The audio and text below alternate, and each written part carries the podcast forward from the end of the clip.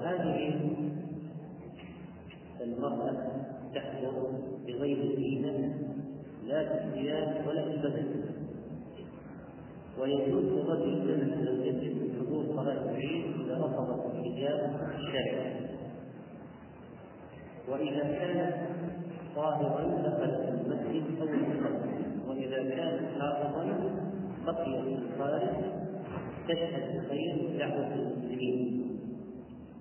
تشهد الخير ودعوة المسلمين. وكذلك فإن المرأة تكبر كالرجل لكن الرجل يجهر بالتكبير ويعلنه في الاسواق والطرقات فيسن له الرجال بالتكبير في المساجد والأسواق والبيوت كما قال الله في العزة وتكبر الله على ما هلك أما النساء يكبرن لكن بالسر لانهن مأمورات بالتفكر والإصرار بالصوت وقد قالت ام عطيه رضي الله عنها أمرنا رسول الله صلى الله عليه وسلم أن نخرجهن في الفكر والأصل. العواتق جمع عاتق وهي المرأة التي بلغت سن الزواج واستحقت التزويج وقيل المرأة العاتق هي المرأة المخدومه التي لا يحبها أهلها تعلم كقول المؤونه بالخادم قال قال امرنا رسول الله صلى الله عليه وسلم أن نخرجهن بالرزق العواتق والحجب وذوات الصدور يعني أن النساء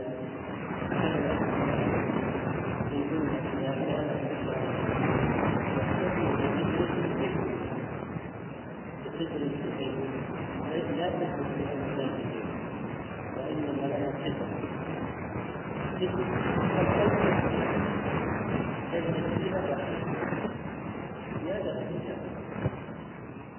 وذوات الحدود المخدرات اللاتي تدبر داخل البيوت انهن في هذا السن اي النساء المراه البكر المراه البكر التي لم يدرسها الزواج قال فأما الحيض فيعتزلن المصلى ويشهدن الخير ودعوة المسلمين قلت يا رسول الله. قال لتلبسها أختها من جلبابها متفق عليه الجلباب لباس تلتحق به المرء فيه المرأة في العبادة بينما يخرج الرجل إلى العيد متجمل متطيب فإن المرأة تخرج إلى العيد غير متجملة ولا متطيبة ولا متبرجه وهذه المسألة مهمة بالنسبة للنساء. مأمورات بالحضور ومنهيات عن التبرج والسكون ثم نعود إلى موضوع سلسلة أسباب النزول. وهذه الحلقة وقد تكون الأخيرة في هذه السلسلة في هذا الشهر من هذه السنة.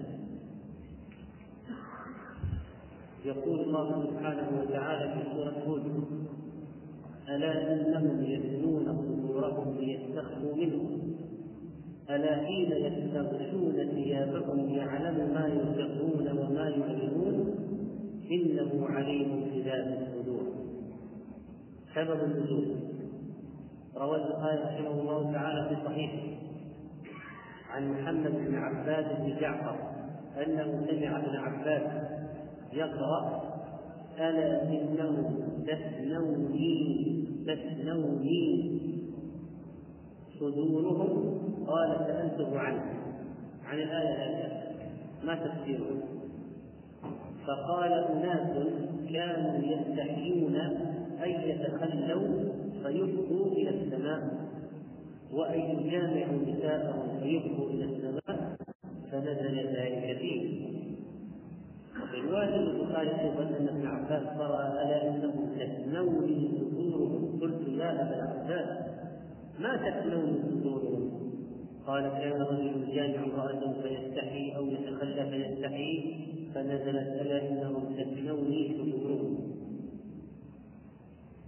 وكان وقال عبد الله بن شداد كان أحدهم إذا مر بالنبي صلى الله عليه وسلم ثنى صدره لكي لا يراه فنزل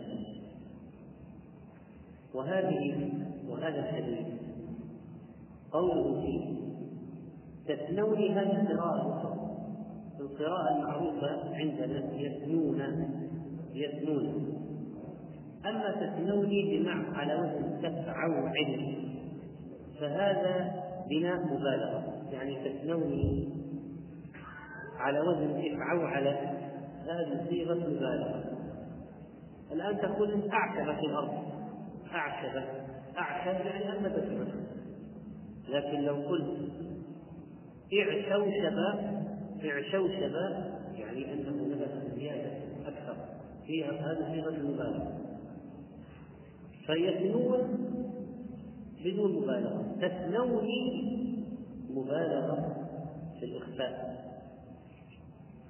فجعل الفعل للصدور أسند الفعل إلى الصدر يثنون صدورهم هنا تثنوني صدورهم. تثنوني صدورهم. أناس كانوا يستخفون أن يتخلوا. الخلاء ما هو؟ ما معنى يتخلوا؟ يعني يقول الحاجة في الخلاء وهم يستحي الواحد أن أن أن يكون عاريا عند قضاء الحاجة أو عند اتيان المراه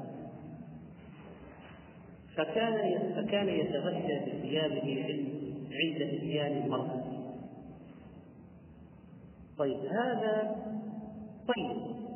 لا بأس أن الواحد مزيد من التفكر لكن لا يظن الواحد أن الله لا يظن الواحد أنه إذا تغطى فإن الله لن يراه لأن الله يراه بالغطاء وبدون غطاء بلباس الله سبحانه وتعالى لا تخفى عليه لكن الإنسان من باب الحياة من الله يستتر حتى لو كان في الخلاء يعني لو كان في صحراء ما حوله أحد. قال الله حق أن يستحيا منه. إذا لو كان الإنسان في خلاء فإنه لا يتجرد كتجرد البعير. يعني لا يتجرد كالبعير. وإنما يغطي نفسه. طيب ماذا يقال في مسألة ماذا يقال في مسألة الكفار؟ كانوا يثنون يثنون صدورهم إذا قالوا شيئا أو عملا يظنون أنهم يستخفون من الله فهذا تفسير آخر للآية أن هؤلاء الكفار يظنون أن الواحد إذا كان صدره تكلم أن الله لا يسمعه. وإذا خفض صوته وتكلم أن الله لا يسمعه. ولكن لم يعلموا أن الله يعلم السر وأخفى ولذلك فإن فقد نزلت هذه الآية فيها في على هذا المعنى لقوم من الكفار. كانوا يذكرهم أو يخفضون أصواتهم يظنون أن الله لا يسمعهم إذا فعلوا ذلك.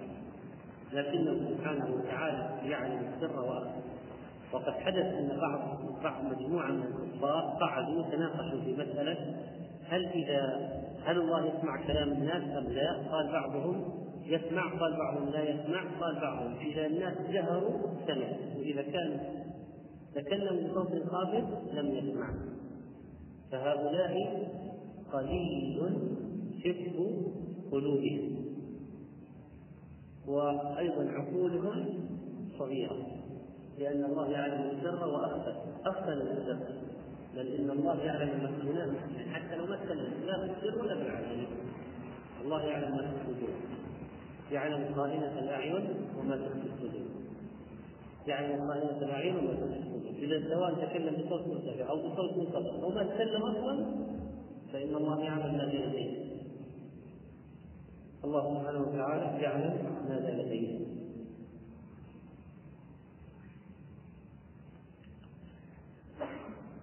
هذه القضية تقودنا إلى مسألة مراقبة الله سبحانه وتعالى. وقد قال الله عز وجل واعلموا أن الله يعلم ما في أنفسكم فاحذروه. وقال وكان الله على كل شيء رقيبا. وقال أمروا معكم أينما كنتم. وقال ألم يعلم بأن الله يرى وفي حديث الإحسان أن تعبد الله كأنك كأنك تراه فإن لم تكن تراه فإنه يراك.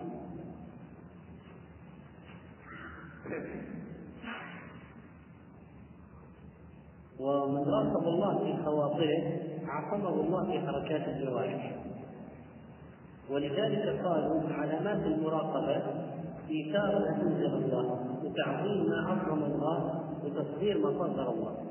فإذا حقر الله الدنيا تصغر في عينه إذا عظم الله التوحيد يعظم في عينه وهكذا وكذلك فإن المراقبة هي شعور العبد بأن الله مطلع عليه ومعرفة العبد بمعنى كلمة الرقيب ومعنى اسم الله العظيم والعليم والسميع والبصير فلو واحد قال أنا كيف أحقق المراقبه؟ كيف أنا أشعر أن الله يراقبني؟ فنقول أن تؤمن بهذه الاسماء فالرقيب الحفيظ العليم السميع البصير الشهيد لأنه يشهد عباده ويعلم هذا يفعلون. فمن عقل هذه الأسماء وتعبد الله بمقتضاها حصلت له المراقبه يعني صار دائما يحس أن الله يراقبه وأنه يطلع عليه. وكذلك فإنه إذا لم يجد حلاوة للعمل في قلبه فعليه أن يستلم قلبه. لأن الله شكور لا بد أن يصيب العامل على عمله في الدنيا من حلاوة وقوة الشرف يعني إذا الواحد فعل عمل من الأعمال العبادة صلاة صيام صدقة ذكر دعاء ما وجد حلاوة للعمل في قلبه. فعليه أن يتهم نفسه إما أنه ما عنده إخلاص الكافي أو أنه أتى بالعمل بطريقة غير شرعية مبتدعة. ليه؟ لأن الله شكور يعني إذا أنت عملت العمل صحيحا يكافئك عليه فتذوق حلاوته. إذا ما ذقت حلاوته اتهم نفسك أنك ما عملت العمل. من جهة الإخلاص أو من جهة المتابعة إن عندك في ذلك نقصا. والثواب يرجع للعامل على عمله. فللأعمال عاقبة تعود على صاحبها وتتصل بحياته وجميع وليس فقط عاقبة العمل في الآخرة لا حتى في الدنيا. يعني مثلا إن الصلاة تنهى عن الفحشاء والمنكر. تنهى عن الفحشاء والمنكر في الدنيا وفي الآخرة. في الدنيا. تنهى عن الفحشاء والمنكر في الدنيا. إذا الأعمال الصالحة عواقب حميدة في الدنيا. إذا الواحد ما أحس بعواقب حميدة للعمل الذي فعله معناها أنه يتهم نفسه ويتهم عمله.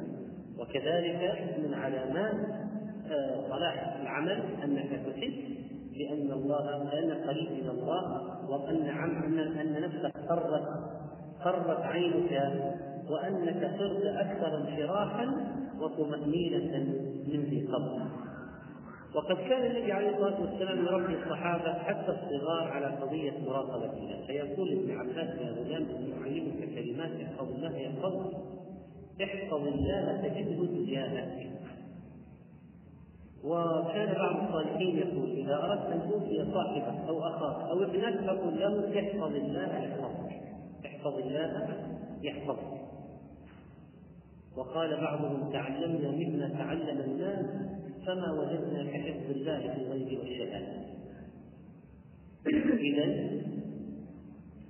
أحسن من تعليم الأولاد وكيف يكسب الدرهم والدينار وكيف يحافظ على الدرهم والدينار. أحسن من هذا أن تعلمه كيف يحفظ الله. فإن بعض الناس يعلمون أولادهم كيف يحفظون المال ولا يعلمونهم كيف يحفظون الله. احفظ الله يحفظك. وكذلك فإن العبد إذا علم أن الله اطلع عليه بكل حين يستقيم أمره. تقول عائشة رضي الله عنها عن خولة بن ثعلبة سبحان الذي وسع سمعه سمعه الأصوات. إني في ناحية البيت ما أسمع مثلا أسمع بعض كلامها ويخفى علي بعض وينزل الله تسلوها وهذه القصة أن خولة بن ثعلبة جاءت إلى النبي صلى الله عليه وسلم. طبعا بيت حجرة عائشة فيها ستار فيها ستار وعائشة تجلس في جانب. النبي صلى الله عليه وسلم يأتيه الناس في الجانب الآخر. فجاءته خولة جاءته خولة بنت ثعلبة قالت يا رسول الله إن زوجي وهو أوس بن الصامت ظاهر يعني جاء غاضب تغاضبنا وإياه وقال أنت عليك ظهر مني. فجاءت النبي عليه الصلاة والسلام تستفتي فقال لها عليه الصلاة والسلام ما أراك إلا قد حرمت منه قالت يا رسول الله أكل مالي وافنى شبابي ونصرت له فضلي حتى إذا كبر سني وانقطع ولدي مني أكثر فيقول النبي عليه الصلاة والسلام ما عندي في شأنك شيء ما أراك إلا قد حرمت عليه فتقول يا رسول الله لي منه سبية صغار إن ضممتهم إليه ضاعوا. وإن ضممتهم إلي جاعوا. ما يستطيع يربي أولاده وأنا ما أستطيع أولاده من المصلحة أن نبقى معا. مع بعض. والآن هذا ظاهر مني فيقول أنت حرمت عليه تقول يا رسول الله لي سبية صغار. إن ضمنتهم إلي جاعوا وإن ضمنتهم إليه ضاعوا تحاول تجادل النبي صلى الله عليه وسلم. ما أسمع ما أسمع بعض كلامها ويخفى علي بعض. فأنزل الله قد سمع الله قول التي تجادلك في زوجها. يعني من فوق سبع سماوات. كم المسافه بين قوله والعرش العظيم. فسمع الله عز وجل كلام المرأة كلها ما ما خفي عائشة قريب منها. هذه في جهة وهذه في جهة وعائشة تقول أسمع بعض كلامها ويخفى علي بعض. فتنزل الآية. قد سمع الله قول التي تجادل في زوجها كل كلام سمعه الرب عز وجل. وتشتكي إلى الله والله يسمع تحاوركم عبارة عبارة. كلمة بكلمة والله يسمع تحاوركم إن الله سميع بصير. هذه القصة تبين مراقبة الله للخلق أنه معه أن قول جاء تستحي كل الكلام مسموع كل شيء مكتوب. ما يكون من نجوى ثلاثة إلا هو رابعهم ولا خمسة إلا هو سادسهم ولا أدنى من ذلك ولا أكثر إلا هو معهم أينما كان. ثم ينبئهم بما عملوا إذا رقابة الله للعبد لطيفة والله مع العبد كل الكلام مسموع ولا يخفى على الله شيء من شؤون العباد. لا تخفى منه خافية لا يخفى عليه عمل واحد منهم إن الله بكل شيء عليم. تبارك الذي وسع سمعه الأصوات. تبارك الذي وسع سمعه السماوات والأرض. سمعها من فوق سبع سماوات. فقد كان الصحابة يستشعرون هذا الأمر العظيم. وكانت رقابة الله تعالى هي ضمانة يعني إذا إذا كان المجتمع يتمسك بهذا لا يحتاج إلى شرطة ولا إلى ناس يراقبون المجتهدين لأن كل رقابة الله كافية. قيل إن ناس جاءوا إلى عمر بن الخطاب شابان يقودان شخصا إلى عمر. قالوا يا أمير المؤمنين هذا الرجل قتل أبانا. قال كيف قتلته؟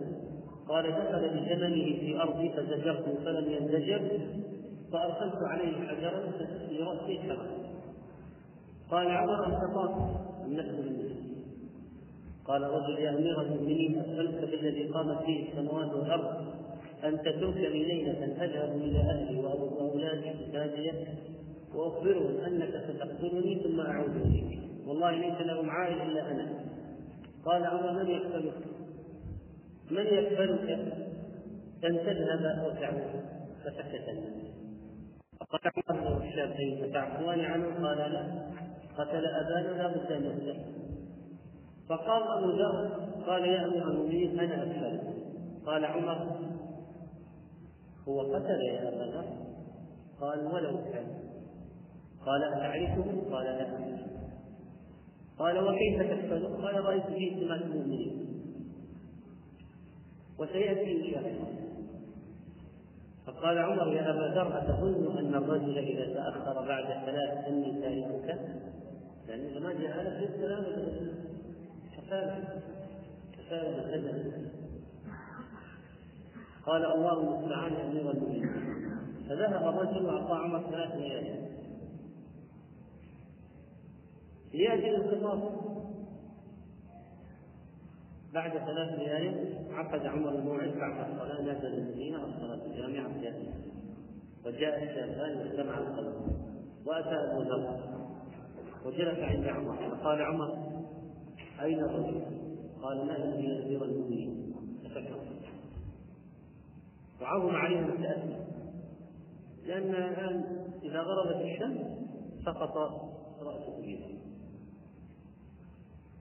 قبل أن تغرب الشمس بقليل ظهر فكبر المسلمون فجاء فقال عمر أيها الرجل أما إنك لو بقيت في باديتك ما شعرنا بك ولا عرفنا مكانك.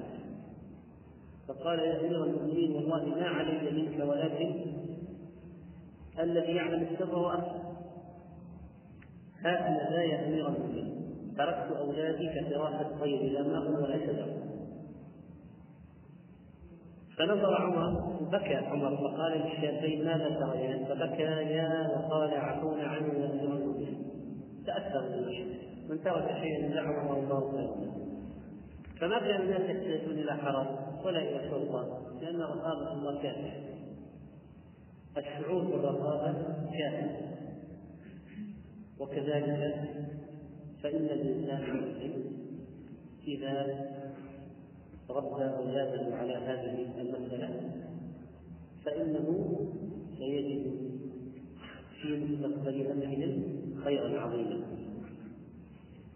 والواحد يترك أشياء لله هو هو يراقب مراقبته لله يمكن يترك أشياء لله يعوض الله خيرا.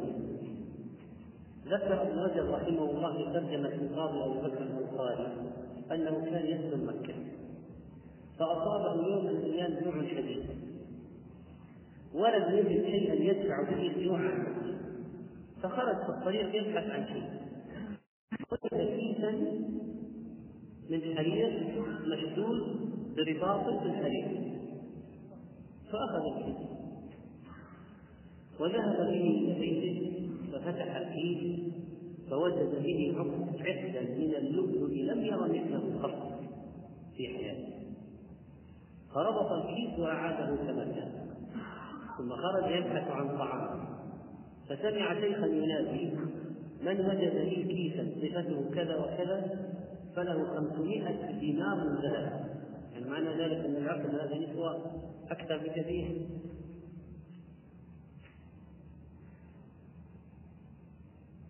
فجاء إليه وقال تعال معي إلى البيت لما جاء قال صف لي الكيس الذي قصدته. قال صفته كذا وكذا وخيطه كذا وكذا. فاتضح أنه هو فأخذ الكيس واعطاه فاخرج 500 دينار ليعطيها اياه فرفض قال هذه أمانة اديتها وأداء الأمانة واجب علي ولا أخذ مقابلا عن الواجب هلك عليه فرفض أن ياخذ وقال والذي لا إله إلا هو ما أخذ عليه جزاء من أحد سوى الله. فذهب الشيخ معه عقد اللؤلؤ وبقي صاحبنا.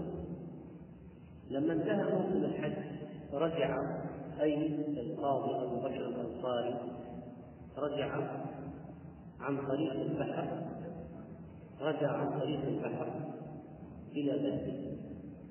فجاءت عاصف في البحر فأغرقت المركب وهلك الناس كلهم إلا هو كلمه الله وبقي متمسكا بقطعة من المركب ولعب في البحر يمينا وشمالا حتى ألقاه من الجزيرة فيها قوم أميون.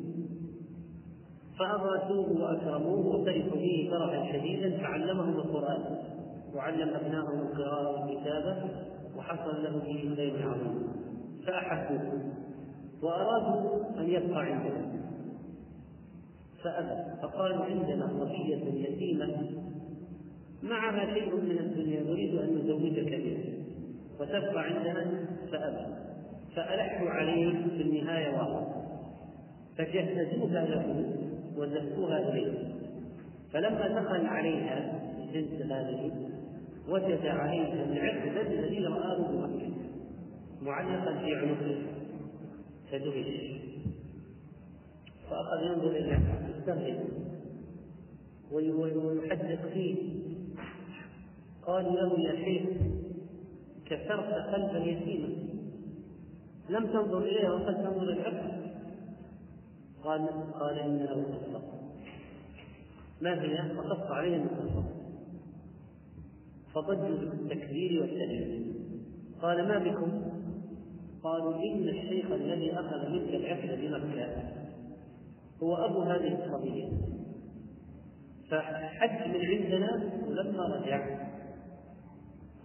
كان دائما يقول والله ما وجدت على وجه الأرض مسلما كالذي لقيته بمكه رد علي العقد ولم يأخذ مني شيئا. اللهم اسمع بيني وبينك حتى أزوجه ابنتي. فتوفي الرجل. ثم جئتنا أنت القاضي في البحث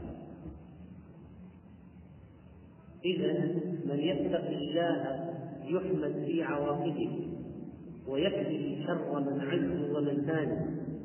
من استجار بغير الله فإن ناصره عجز وخذلان فالزم يديك بحبل الله معتصما فإنه الركن إن خالفت أركانه وهكذا من يتق الله يجعل له مخرجا ويرزقه من حيث لا يحتسب.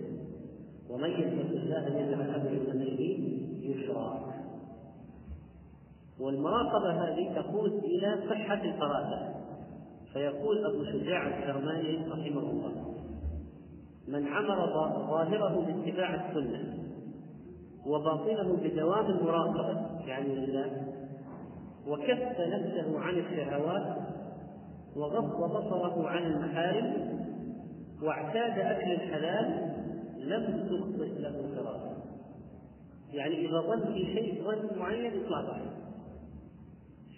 لا يكون ظن في شيء إلا صحيح. دراسة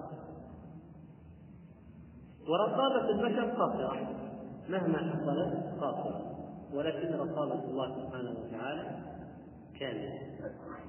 وهكذا فإن فإنه يعلم دليل الزرع دليل الزرع فوق الصخر الأصم ويسمع اختلاف الأصوات بتنوع الحاجات وتفاوت اللغات سبحانه وتعالى. والله سبحانه وتعالى بصير بالعباد مطلع عليهم يعلم ما يفعلون وسيجازي كل بعمله عز وجل.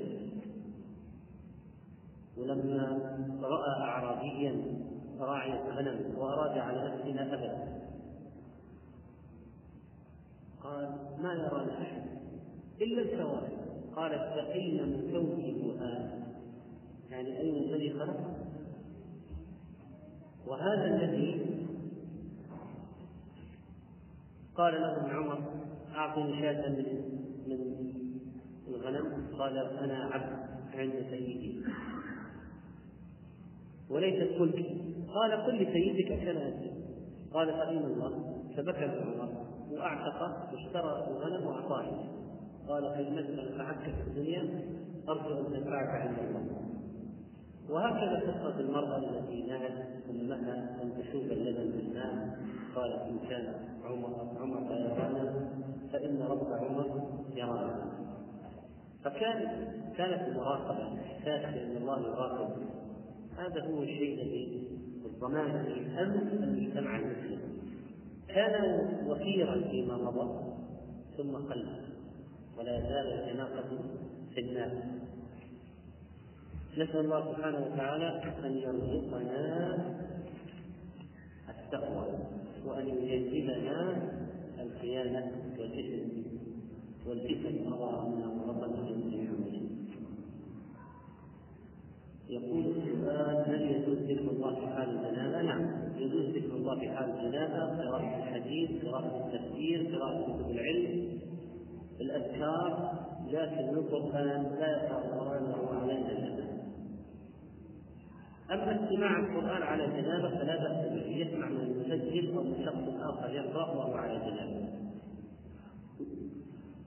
هل يجوز استماع القرآن وهو يشتغل على حاجة الإسلام؟ على الكمبيوتر نعم ممكن يسمع خصوصا إذا كان الشغل يعني من نوع الذي لا يحتاج إلى تركيز يصرفه عن الاستماع هل السؤال في هذا القرآن ضعيف أو ليس كذلك في كثير من ضعيف لكن هناك كثير أيضا ضعيف أو موضوع. مثل من قرأ يتيم فكأنما قرأ القرآن عشر مرات مثل أن الواقعة تنفي الفقر مثل فضائل الآيات الأخيرة من سورة الحشر مثل أن من قرأ سورة من قرأ أواخر الكهف ينام عليها ليستيقظ في وقت معين استيقظ. وإنما الذي ثبت أن طوائل الكهف يقي من فتنة المسيح الدجال. يقول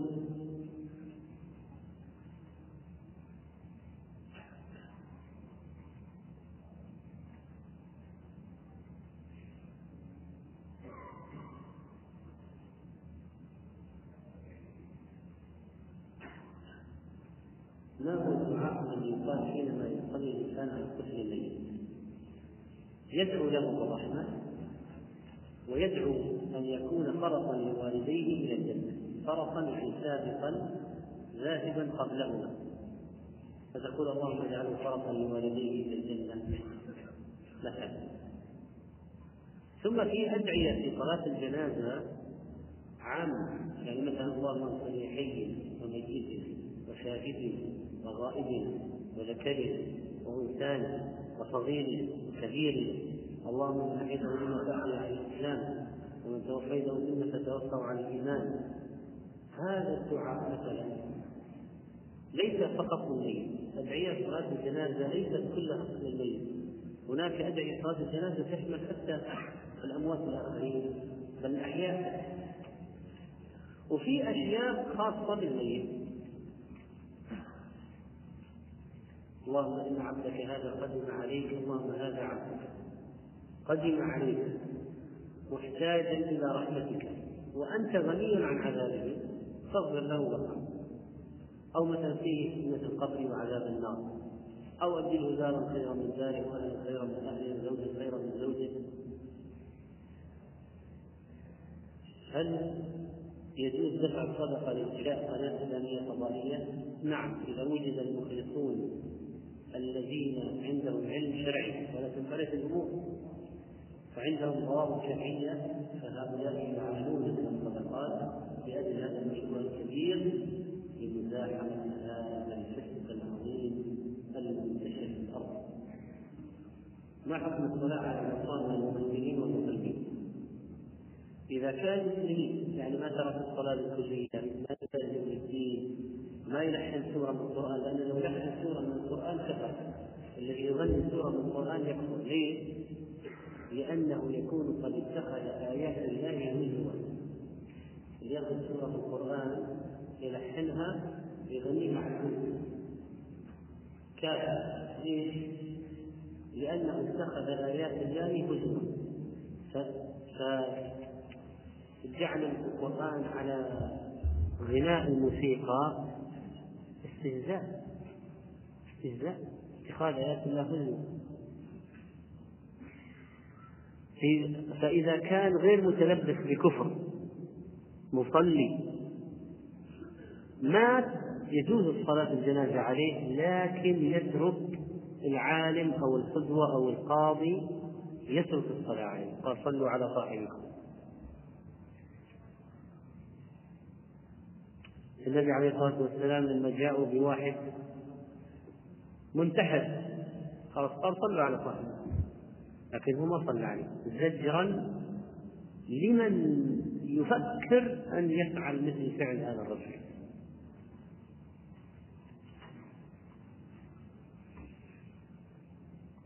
زيارة الأماكن الأثرية.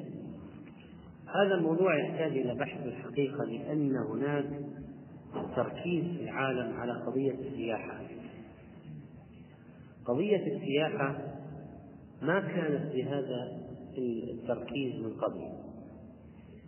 الآن صارت صناعة عالمية كبيرة جدا ضخمة صناعة السياحة. وصارت تعتبر من موارد الدخل والعملة الصعبة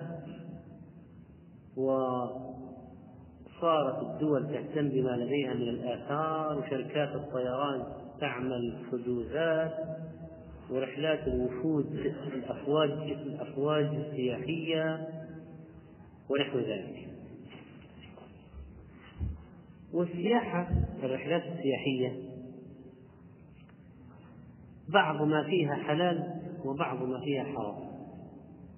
لأنهم قد يذهبون به إلى مثلا مغارة مغارة كهوف غابات مرتفعات جبلية مرتفعات جبلية. طيب هذه طبيعة شاهد طبيعي. ويقولون اركب هذا.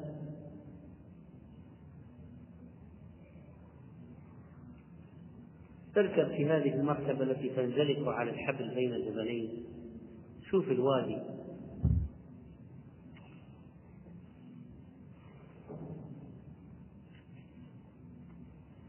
هذا في ظاهره جائز ما حكم أن يرى الإنسان الطبيعة جائز لكن السياحة لم تقتصر على هذا. فيها فنادق فيها خمور.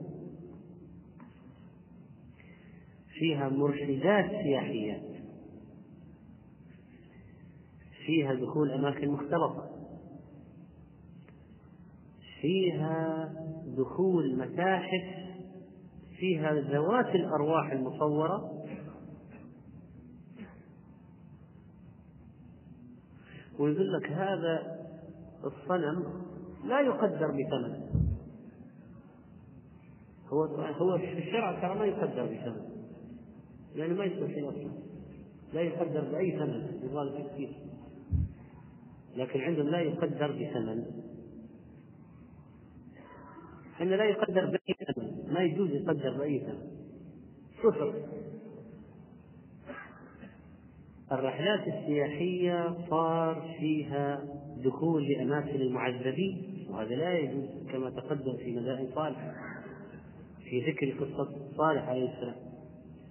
لا يدخل إلا معتبرا باكيا ولا يشرب من بئر الناقة ولا ينام في هذا المكان لأنه مكان نزل فيه غضب الله ولعنته.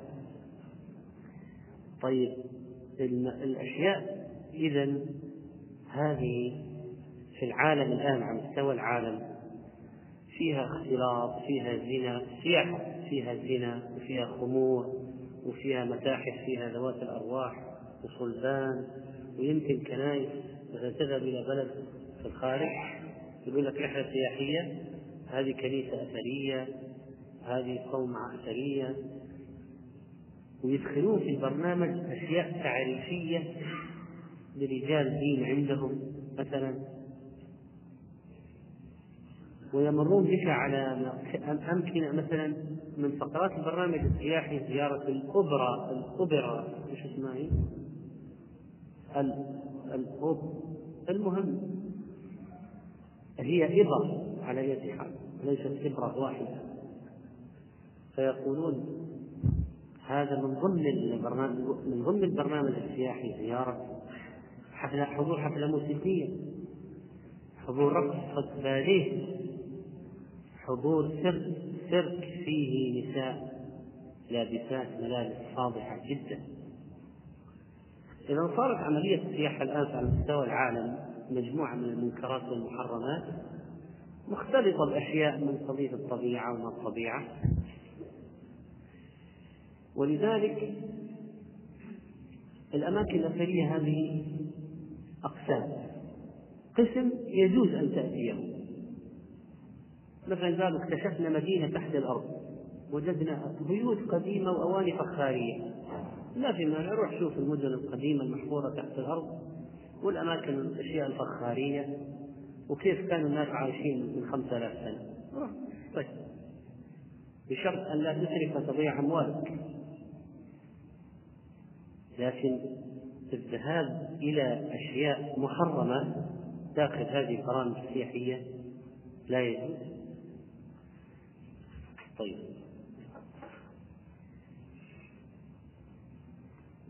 أنا شخص أعمل نومي قليل وآتي للدرس يأتيني النعاس في الدرس. لا بأس. الواحد يأتي يستفيد على قدر ما يستطيع. على قدر ما يستطيع. ظروف الناس تتفاوت. ما هي محظورات الاعتكاف؟ إتيان النساء ولا تباشروهن وأنتم عاكفون في المساجد. الخروج من المسجد دون حاجة ولو عيادة مريض واتباع جنازة. كذلك فإن على المعتكف أن لا يضيع وقته بالأحاديث الجانبية مع الأشخاص.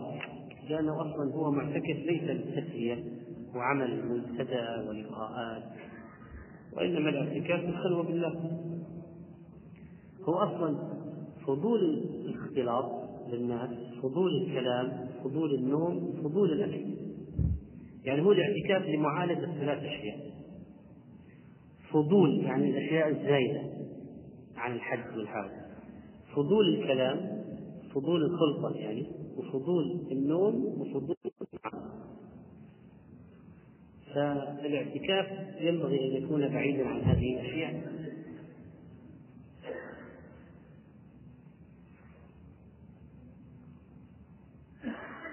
يقول بعض المستشفيات ربما تفتح تلفزيون على مدار 24 ساعة عند المرضى الذين لا حول لهم ولا قوة ليشهدوا أشياء من القنوات الفضائية.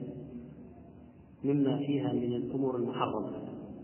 طبعا ليبوءوا باسمه ولذلك يجب على من يقوم على الشبكة الداخلية أن يضع أشياء تنفع المرضى وليس أشياء تجري بالإثم له وله أما الكاره فالله عز وجل يعلم حاله المكره لا إثم عليه وعليه أن يشتغل بذكر الله. وينكر على قدر المستطاع والذي يضعه عليه الإثم مريض لا يعلم هل يكفى أم لا كيف يكون حاله بالنسبة لما أفطر في رمضان ينتظر حتى يعلم هل مرضه مزمن أو غير مزمن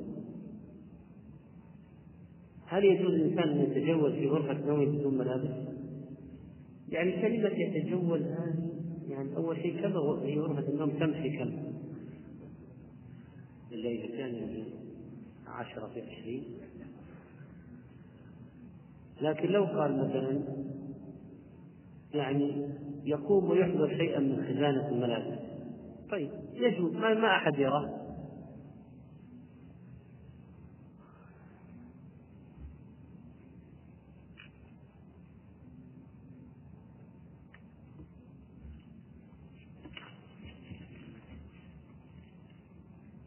هل تخرج الزكاة عن الطفل في بطن أمه؟ يستحب ولا يجب؟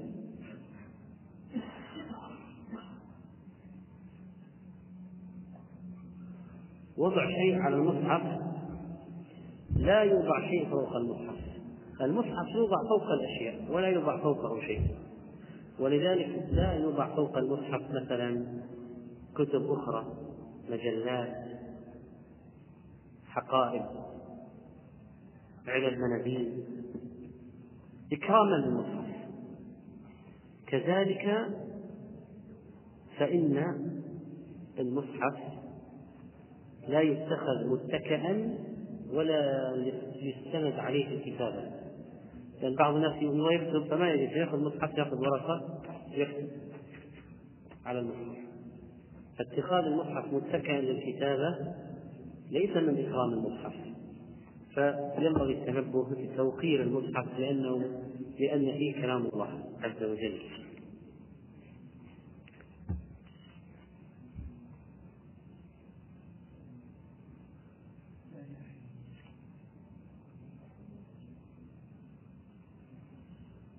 سورة الملك تقي من عذاب القبر ثبت ذلك. سورة الواقعة تقي من الفقر حديثها ضعيف مع أن السورة عظيمة بلا شك. هل يجوز قضاء ما عليه من الإفطار من أيام مرت في رمضان في نذر نذرت على نفسي؟ من راتبي كل شهر. أما ما أفطرته من رمضان فلا بد من قضائه ولا يجزئ الإطعام عنه. لا بد من قضائه. الإطعام هذا كفارة التأخير.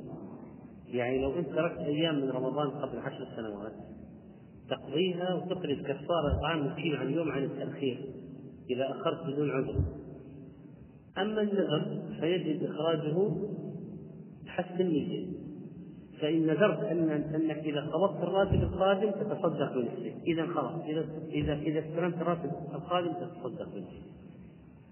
كما نذرت تفي بحسب ما نذرت.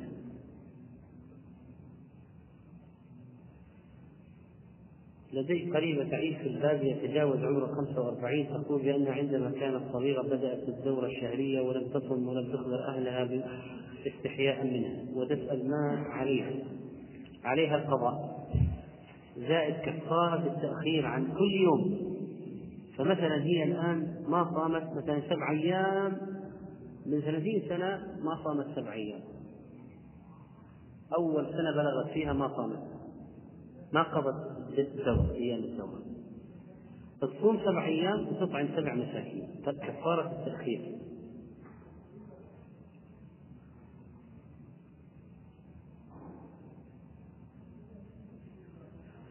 اشتريت سيارة عن طريق البنك والبنك لا يملك السيارة. هذا ربا لأنه يخلضك ثمن السيارة ويأخذ الزيادة. ولا لا سيارة عنده ولا اشتراها لكي يتربح فيها. وإنما السيارة عند غيره الكفارة ما هي؟ التوبة إلى الله سبحانه وتعالى.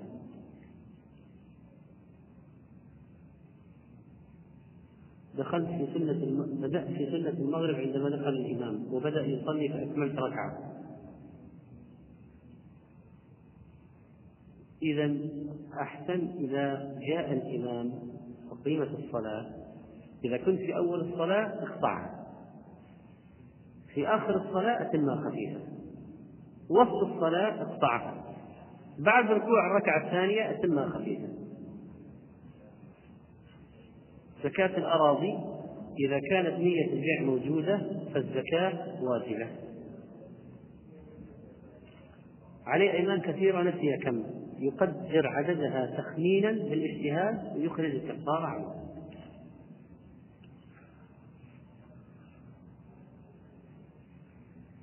دائما يحدث بيني وبين زوجي مشاجرات لأنه يريد أن يضع الدش في المنزل باعتقادي انه يجلس الثقافة وأخبار العالم ويجلس أشياء ثانية غير الثقافة وأخبار العالم من المفاسد العظيمة. ولذلك فلا يجوز وضعه كما أفتى أهل العلم. الظهار ما هو؟ أن يقول أنت علي كظهر أمي، أنت مثل أمي، يعني حرمها على نفسه مثل أمه، وبعضهم يقول أنت تحرمين علي كحرمة مكة على اليهود. يعني تفنن التحريم الظهار هذا إذا حصل عليه الكفارة المغلظة عتق رقبة ما وجدت صيام شهرين متتابعين ما أستطاع طعام ستين مسكين.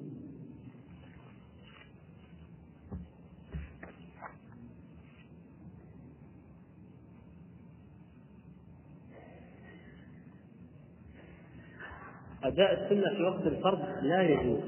يقول بعض الحنفية وهذا صحيح سنة الفجر بالذات يصلي السنة لو كان الإمام في وسط هذا الفجر وهذا من الجهل العظيم. إذا أقيمت الصلاة فلا صلاة إلا المفروضة. أصلا بعض العلماء يرى أن الصلاة تلغى غصبا عن المصلي. يعني إذا أقيمت كل واحد يصلي صلاة خلاص بطلت صلاته بمجرد الإقامة حتى لو ما قطعها مقطوعة. وبعضهم يقول لا تقطع إلا بالنية. ولذلك ينبغي تنفيذ أمر النبي عليه الصلاة والسلام. إذا أقيمت الصلاة فلا صلاة إلا المكتوبة. الفرض أهم أهم من النوافل هذا والله أعلم. صلى الله على نبينا